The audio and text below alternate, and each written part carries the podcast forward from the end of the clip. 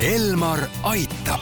Elmar aitab saate toob teieni pereoptika, kogu pere prillipood tere, head kuulajad, eetris on Elmar Aitab ja kui me eilses saates rääkisime sellest, kuidas valmistatakse prille, siis äh, tänasel teemal jätkame.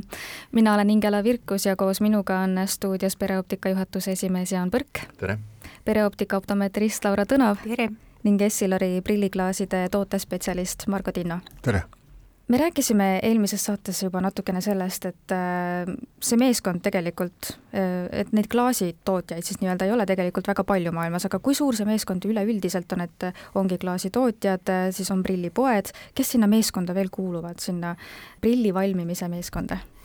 tegelikult on üpris tähtis koht transpordil, sellepärast et Essilori klaasid valmivad Prantsusmaal, tänane Äh, digiajastu annab muidugi võimaluse meil kohe anda need äh, valmis tellimus digitaalsel teel tegelikult äh, tehase tootmisprotsessi, nii et, et seal võetakse see vastu ja automaatselt hakkavad siis toimima juba siis selle individuaaltellimuse kaks läätse, mis sõidavad nagu üksteise kõrval ja satuvad siis erinevatesse protsessidesse.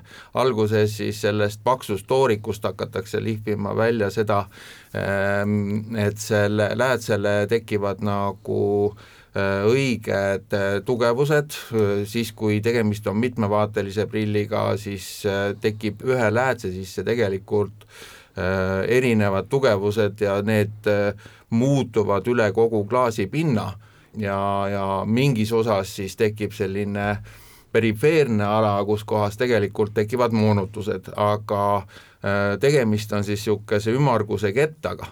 ja siis, kui see ketas on äh, nende oma tugevustega valmis lihvitud, äh, siis lähevad nad katetesse, mis on siis hästi noh, protsess, mis on nagu väga-väga mitmeetapiline. jah, ja, ja et ääretult puhas. puhas, steriilne kogu see keskkond ja see, et eh, mille jaoks need katted seal vaja on, kõik need eh, peale need katete kandmise protsessid on nagu eraldi, et neid ei saa ühe korraga panna, et paneme plärtsid ühe kihi peale ja siis on nad olemas. et kuna seal tegu on nanomaailmaga ja kõik see valgus ja kõik eh, ikkagi liigub väga väga väikestes ühikutes, siis protsess on väga selline kuidas öelda, laboratoorne nagu väga, eks ole, steriilne ja väga selline kõrgtehnoloogiline jah, ja samal ajal, kui teise, ühes tehases toimub klaasi tootmine, siis teises tehases toodetakse prilliraame, eks ju, mhm. ja ja seal on jälle see, et äh, kogu aeg mõeldakse välja uusi materjale, praegu mõeldakse väga, kuidas toota taaskasutatud materjalidest, äh, kui siiamaani äh, võib-olla kõige parema kvaliteediga näiteks plastikraamid olid, äh, tooraineks oli puuvill, siis praeguseks hetkeks proovitakse seda äh, taaskasutatud plastikut äh, saada nii kvaliteetseks, et sellest teha jälle uued raamid, nii et, et sama palju, kui näevad vaeva prilliklaasi tootjad, sama palju näevad vaeva ka prillide raamide tootjad ja ja meie siis paneme selle äh, oskuse siis kokku ja, ja selle informatsiooni viime siis kliendini. ja mis on ka hästi tähtis, on see, et äh, selle prilliläätse tootmise juures, et äh, on väga mitu kvaliteedikontrolli ehk siis tõesti on selline hästi-hästi minimaalne võimalus, et äh, mingisugune praak seal tekib. et seda kvaliteedikontrolli on ikkagi päris mitu korda kui nüüd aga prilliraamid on valitud, prilliklaasid on olemas, milliseid pinnakatteid täna eraldi on võimalik veel klaasidele peale panna?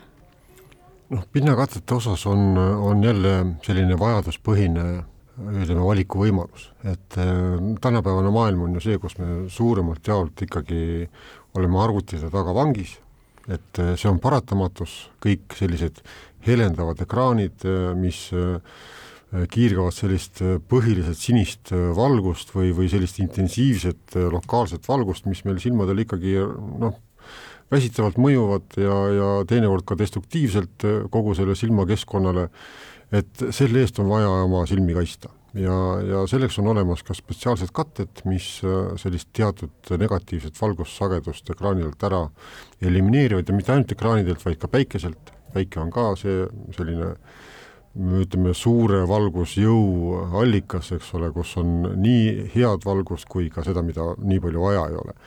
nii et äh, kõiki võimalikke katteid on võimalik panna just nende tegevuste jaoks, mida me kõige rohkem teeme, mis meie silma kõige rohkem kahjustavad ja ka peegelkatted näiteks, kui neid aga selguse huvides ma tahan öelda, et seda me ei pane mitte enda töökodas mm, -hmm. aga see siis toimub kõik selles suures äh, tehases, kus mhm. kohas siis äh, labori tingimustes siis äh, lihtsalt see prilliklaas käib erinevaid etappe ja erinevaid panne pidi et neid pinnakatteid on nii palju, siis kui palju võib ühel läätsel üldse pinnakatteid korraga peal olla? on seal mingi selline arv? no teatud mõttes on, et äh, ütleme selleks, et seda peegeldust, äh, mis nüüd kõige rohkem nagu nägemist segab ära võtta ja seda, seda pilti selgendada, selleks on ju praktiliselt äh, vaja panna sinna vähemalt mingi kuus-seitse katet, et neid valgussagedusi, mida valgus sisaldab, summutada. ehk korralikud katted tänapäeval on jah, seal varieeruvad need teemad aga no ütleme seal kuus-seitse, mõni teist teinekord, sõltuvalt, mida on vaja nagu teha, et äh, ega väga täpselt ei teagi, need viimased katted on nii, no ütleme, salastatud teema mõneti, et ega neid üks ka, ühekaupa lugeda ei õnnestu mis võivad aga veel olla siis äh, prillide valmistamise sellised äh, tulevikusuunad, et nii materjali kui pinnakatete osas? Klaaside või läätsede osas äh, ilmselt äh, rohkem kaitset, rohkem reservi äh, silmadele, et see silma tervis vastu peaks meie sellisele muutuvale maailmale ja muutuvatele tegevustele, et ma arvan, et selleks, et säilitada seda nägemise sellist kapitali või nägemise võimekust, et selleks liigutakse edasi.